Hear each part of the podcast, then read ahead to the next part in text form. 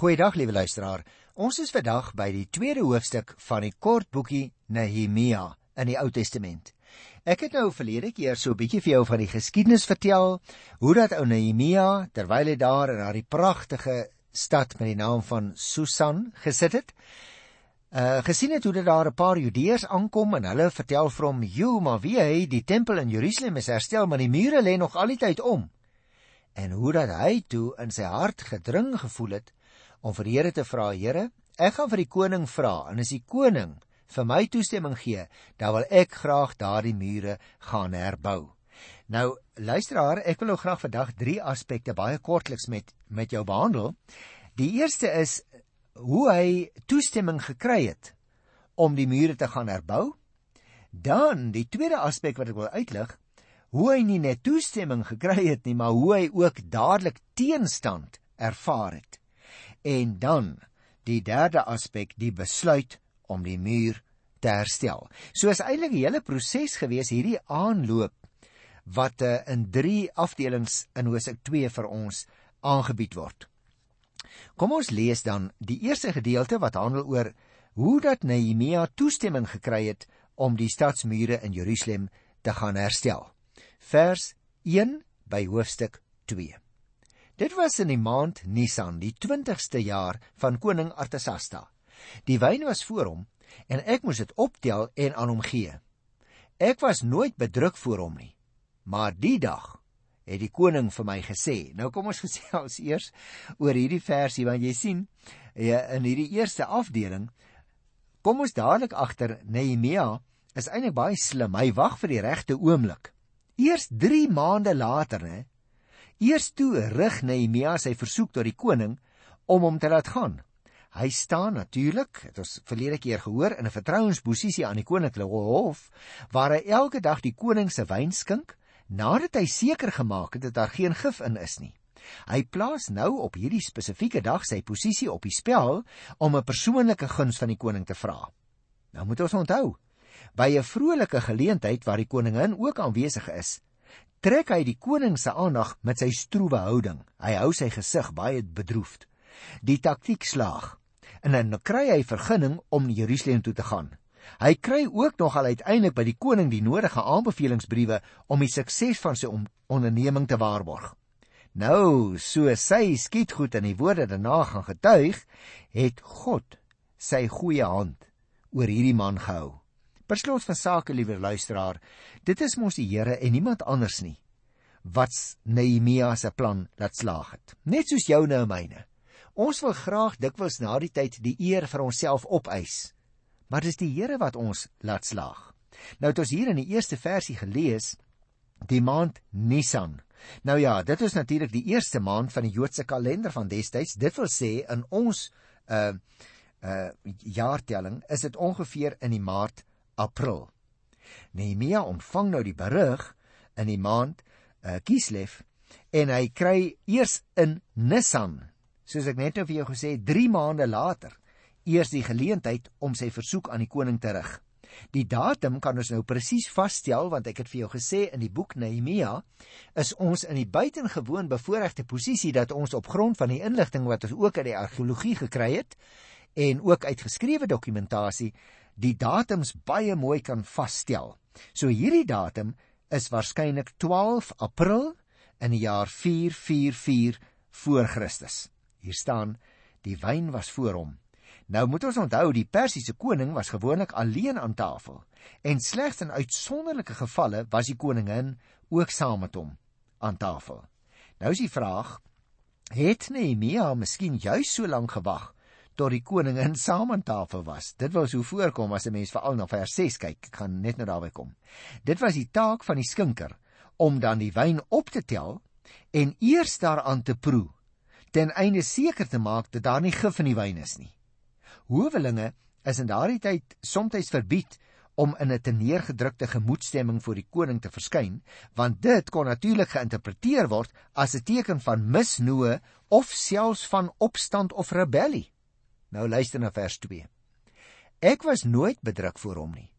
Maar die dag sê die koning vir my: "Hoekom lyk jy so bedruk? Is jy dalk siek?" "Nee." "Hartseer dan?" ja. Luisteraar, Nehemia se taktiek slaag baie goed. Hy was seker 'n goeie toneelspeler ook nog, behalwe sy goeie leierskapseienskappe. Want die betrokke dag fyns Nehemia nie vrolikheid nie, omdat hy wil hê dat die koning moet opmerk wat in sy hart aangaan. Artasasta is die dag eintlik in 'n baie goeie bui en met 'n speling van woorde, mens sien dit baie mooi in die Hebreëse taal, treurig van gelaat, treurig in die hart. Dis wat daar eintlik in Hebreë staan, hè. Spreek die koning Nehemia aan. Nehemia was baie bang staan daar.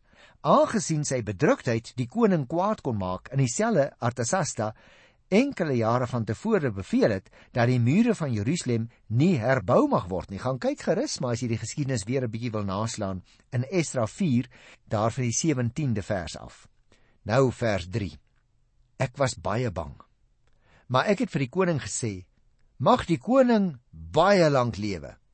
Hoe sal ek dan nie bedruk lyk as die stad waar my voorvaders begrawe is in puin lê en sy poorte verbrand is nie?" Jy sien, Nehemia pak dadelik die saak aan. Na die aanhef stel hy nou sy versoek.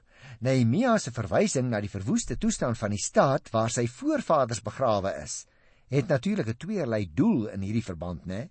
Eerstens, hy wil die koning oortuig dat dit vir hom wat Nehemia is onaanvaarbaar is. En tweedens, dat 'n stad sonder mure vir die koning niks beteken nie.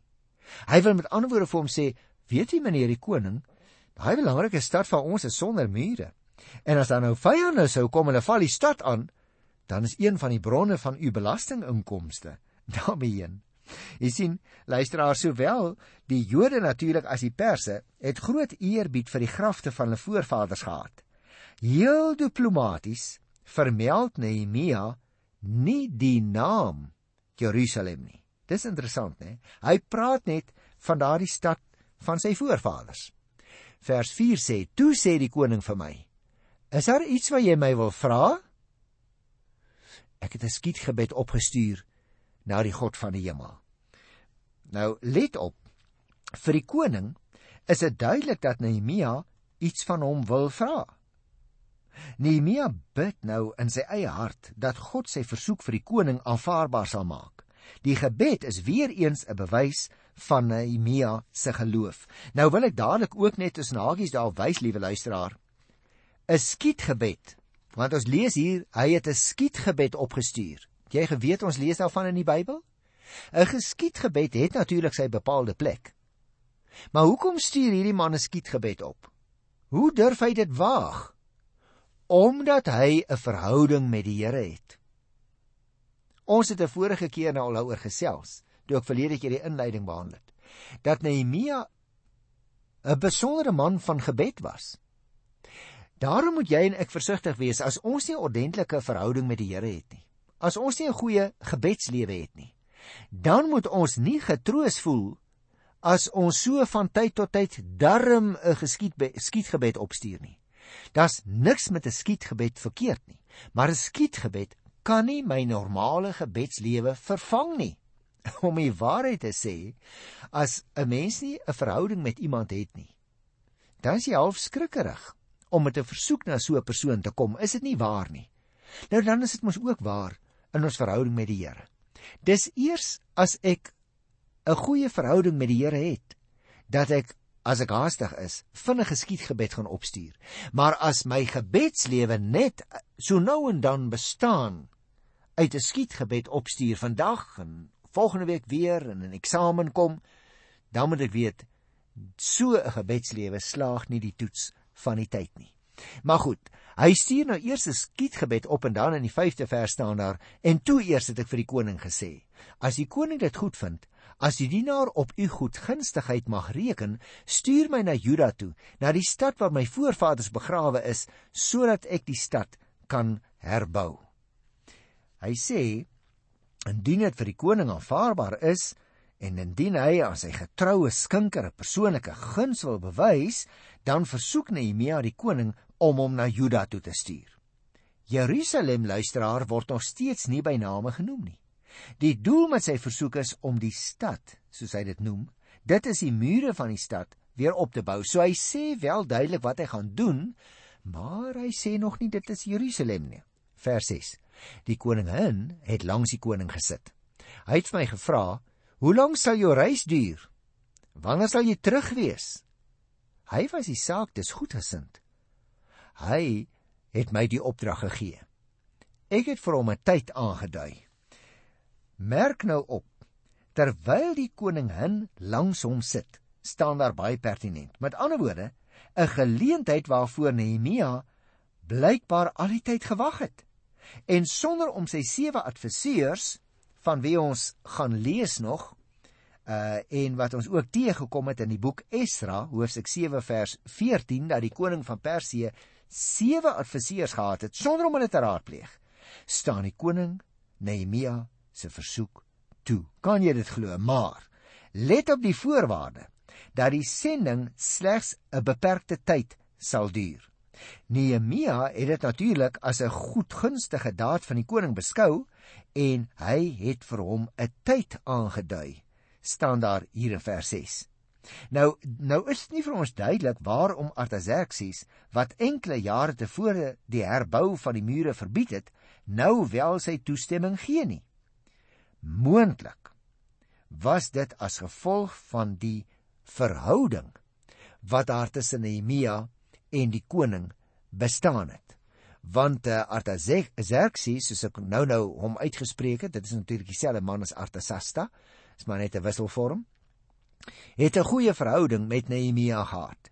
En daarom waarskynlik het uh, hy toestemming gegee. Nou luister nou na vers 7 en 8. Ek het toe vir hom gevra: "As die koning dit goed vind, laat ek briewe kry aan die goewerneurs in Wes-Efraat, sodat hulle my vrye toegang kan gee tot ek in Juda aankom. Ek het ook 'n brief aan Asaf nodig, die opsigter oor die staatsbos, dat hy my kan voorsien van hout om die poorte van die vesting by die tempel te maak en vir die stadsmuur en vir die huis wat ek sal bewoon. My God het sy goeie hand oor my gehou en die koning het my versoek toegestaan. Nou ja, is dit nie wonderlik nie, liewe luisteraar. Nehemia benut die goedgunstigheid van die koning om sommer nog terselfdertyd twee versoeke op te rig. Hy vra briewe aan die goewerneurs. Dit wil sê, hulle was die provinsiale owerhede in die satrapie of die provinsie van die Wes-Efraat, sodat hy 'n vrye toegang kan kry. Dis amper soos 'n tolhek in ons tyd, luisteraar. Hy moet deur sekere ander ouens se gebiede reis. En as hy nou van die wêreldheerser toestemming kan kry, dan gaan hy nou nie moeilikheid kry nie. Maar nou vra hy 'n tweede ding. Hy vra 'n brief wat vir hom toestemming gee en dit wil hy nou rig aan Asaf. Nou let dadelik op Asaf is 'n Joodse naam. Want hy was die hoof oor die staatsbos in Juda. Nou ons weet nie vreeslik baie van hierdie bos nie. Daar uh, word algemeen aanvaar luisteraars dat die bos so min of meer 11 km suid van Jerusalem geleë was en dat dit later die tuine van Salomo genoem is. En daarom dink Bybelverklaarders dat hierdie die opsigter oor die staatsbos in Juda waarskynlik die man was waar Salomo ook destyds 'n plantasie gehad het. Nou goed, So lees ons dat hierdie hele gedagte om toestemming te kry in gebedsafhanklikheid van die Here geskied het. Dit was die eerste deel. Ek het gesê daar's 3 dele in die hoofstuk. Die tweede afdelingkie handel oor Nehemia kry nou toestemming, ja, maar ook teenstand. Mens kry daardie kort verhaaltjie net in vers 9 en vers 10. Kom ek lees dit vir jou. Ek het by die goewerneurs in Wes-Efraat gekom en die briewe van die koning aan hulle oorhandig. Die koning het offisiere en ruiters met my saamgestuur. Toe Sanballat, nou luister nou hier, begin hy nou moeilikheid kry. Toe Sanballat, die Goroniet en Tobia, die Ammonitiese amptenaar dit hoor, was dit vir hulle baie slegte nuus.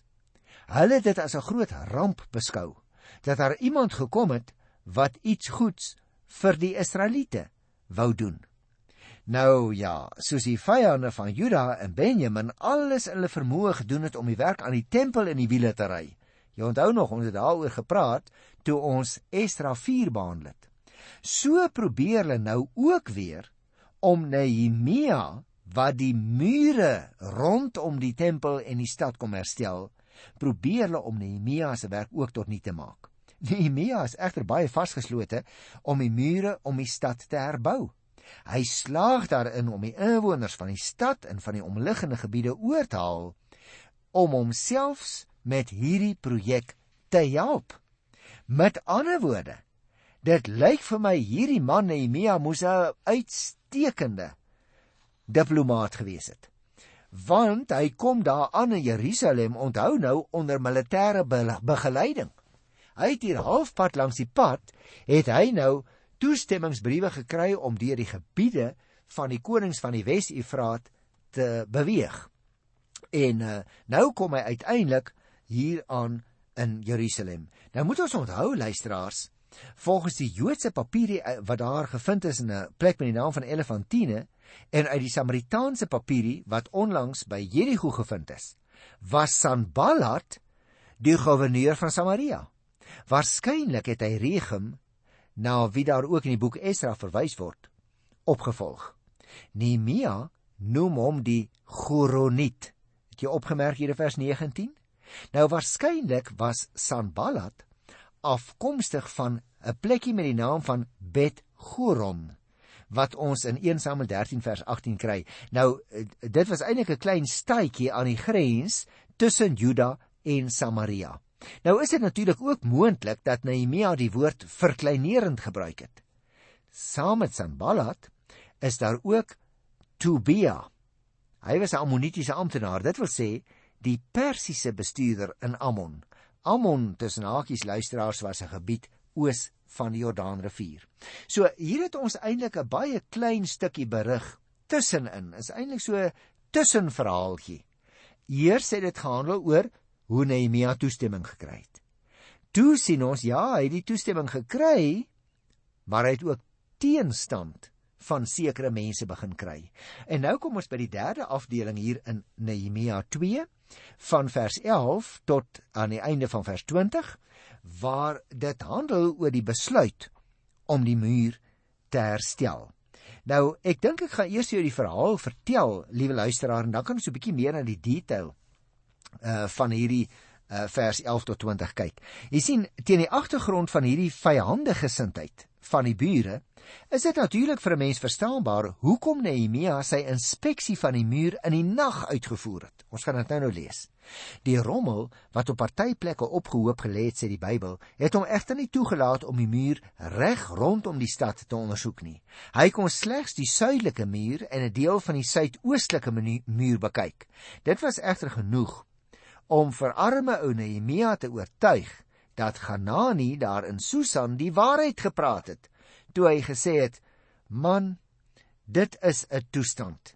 Die tempel is herstel, maar die mure het nog glad nie aandag geniet nie." Nou kom ons lees so 'n bietjie daarvan vers 11 en 12. Ek het in Jerusalem aangekom en na ek 3 dae daar was, is ek die nag stilletjies uit met 'n paar manne by my. Ek het vir niemand gesê wat my God in my hart gelê het om vir Jerusalem te doen nie behalwe my rydier het ek geen diere by my gehad nie. Onthou jy nog toe ons Esra die 8ste hoofstuk behandel het, luisteraar daar by vers 32. Net soos Esra wag Nehemia 3 dae voordat hy met sy taak begin het. Nou waarskynlik was dit 'n reinigingsperiode. En dan lees ons hier in vers 11 en 12 in die nag onderneem hy nou 'n inspeksie tog om vas te stel of daar nog bruikbare dele in die muur is met 'n klein groepie uitgesoekte manne en slegs sy eie donkie, reis hy in die nag om so sy plan geheim te probeer hou en nie die vyande binne en buite Jerusalem oploop te jag nie. Vers 13 en 14 vertel ek is die nag deur die dalpoort na die Jakkalsfontein en die Vullispoort toe en het die mure van Jerusalem nagegaan waar hulle afgebreek was en ook die poorte wat verbrand was. Toe ek by die fonteinpoort en die koningspoort kom, was daar nie plek vir my rydier om verby te kom nie. Nou die dalpoort waarvan ons hier lees, luisteraar, was natuurlik in die westelike stadsmuur, nie baie ver van die huidige Jaffa poort nie, die van julle wat al in Jerusalem was, so dit was in daardie omgewing dat uh, Nehemia nou op hierdie stadium was. Daar word ook hier gepraat van die dal van Hinnom. Dit is waar die plek was wat hier in die teks genoem word die Jakkalsfontein. Dit was so sou ek sê so 450 meter suidoos van die Dalpoort. En dan was daar ook lees ons van die Vullispoort. Dit word ook soms genoem in ons tyd die Potskerfpoort. Met ander woorde daar was verskillende uh uh poorte wat toegang tot Jerusalem verleen het, maar die goed lê alles in ruïne. Maar luister na vers 15. Ek moes in die nag met die vallei op daarna toe sodat ek die muur kon nagaan. Daarna het ek omgedraai en is weer deur die dalpoort en terug huis toe. Met ander woorde, en dit is hoekom ek vers 15 lees. Nehemia beweeg in die Kedronvallei op. Dis my baie opvallend dat hy nie 'n inspeksie van die noordelike en die westelike mure onderneem het nie. Nou, ek dink die opgrawings wat gemaak is in die afgelope paar jaar leer vir ons dat Nehemia waarskynlik moes besef het dat die oostelike muur van die stad totaal verwoes was. Daarom ehm um, beweeg hy uh langs daardie roete terug na die na die stad toe. Ek wil nog net hier wys op vers 16 tot by vers 20 en ek wil dit oorsigtelik sommer maar met julle behandel soos wat julle dit sou sien as julle dit gaan lees. Want jy sien teenoor die amptdraers, dit wil sê die leiers, het Nehemia niks laat deurskemer nie. Op hierdie stadium sê hy vir hulle niks. Dis eers 'n paar dae later dat hy 'n volksvergadering bymekaar roep en dan skets hy, so sê vers 16 tot 18, die toestand van die mure wat in puin lê en eers dan roep hy die Judeërs op om dit te herbou sodat hulle nie langer bespotting en vernedering hoef te verduur van ander volkere nie. En net soos in die geval van Esra, gebruik Nehemia nie sy volmag nie, maar hy volg die weg van oor reding. Maar aan die ander woorde, hy ruk nie sy dokument wat die koning hom gegee het uit sy sak en sê hoor julle moet my help om die muur te herbou nie. Hy praat met hulle. Hy vra hulle samewerking. Want liewe luisteraar, as 'n persoon self besluit ek gaan saamwerk, dan is dit natuurlik 'n baie beter werker wat jy saam met jou vir die taak het. En dit is nog 'n eienskap van hierdie leier Nehemia. Hy gee nie bevel uit die hoogte nie. Hy vra mense se samewerking en hy werk ook inderdaad saam met hulle. As jy vers 19 en 20 lees, dan sal jy sien die vyande van die Judeërs probeer nou al hierdie planne vnuik deur dit belaglik te probeer voorstel en af te kraak as opstand teen die gesag van die staat. Die Persiese amptenare het natuurlik vroeër al die bouwerk in Jerusalem tot stilstand laat kom deur koning Artasasta te oortuig dat die Judeërs met opstand teen die koning besig was. En nou probeer hulle dit weer. Hulle sê nou hoekom wil jy hierdie mure herbou? Eintlik wil jy dit doen omdat jy jou mense tot opstand wil lei. Want seker wil julle nie meer belasting betaal nie. Hulle kom dus om as 'n ware Nehemia se goeie werk waarmee hy begin verdag te maak in die oë van die owerheid want dan sal hy moet stop. En daarom wil ek afsluit met vers 19 en 20. Toe Sanballat die ek herhaal Toe Sanballat die Goroniet Tobia en die Ammonitiese amptenare Gesem en Arbier hoor wat ons doen, het ons uitgelag en smalend gevra: "Wat vir 'n ding is dit waarmee julle besig is? Wil julle in opstand kom teen die koning?" Ek het hulle geantwoord en hulle gesê: Die God van die hemel sal ons laat slaag in wat ons doen. Ons, sy dienaars, gaan bou. Julle het nog aandeel, nog reg in Jerusalem en geen historiese verband met hom nie. En hier sien ons luisteraars hoe dat hierdie man die moed van sy oortuiging het om vir die ouens wat hom begin teë staan en hom belaglik wil maak vir sy eie mense. Hoe dat Nehemia vir hulle sê hoor hierso. Ek wil net vir julle sê ons gaan bou. Hy twyfel nie daaroor nie. En dan sê hy vir hulle ook 'n tweede ding baie reguit. Hy sê julle moet onthou julle het eintlik geen reg en aanspraak op hierdie stad waar julle nou sommer kom intrek het nie. Die Here het dit aan ons gegee. En Daarom gaan ons dit herstel. Julle het nog aandeel, sê hy, nog reg in Jerusalem en geen historiese band met hierdie ou stad nie. Daar kan dus geen twyfel wees nie. Nehemia se leierseienskappe begin nou baie sterk na vore kom. Ek groet jou tot volgende keer in die wonderlike naam van ons Here. Tot dan. Totsiens.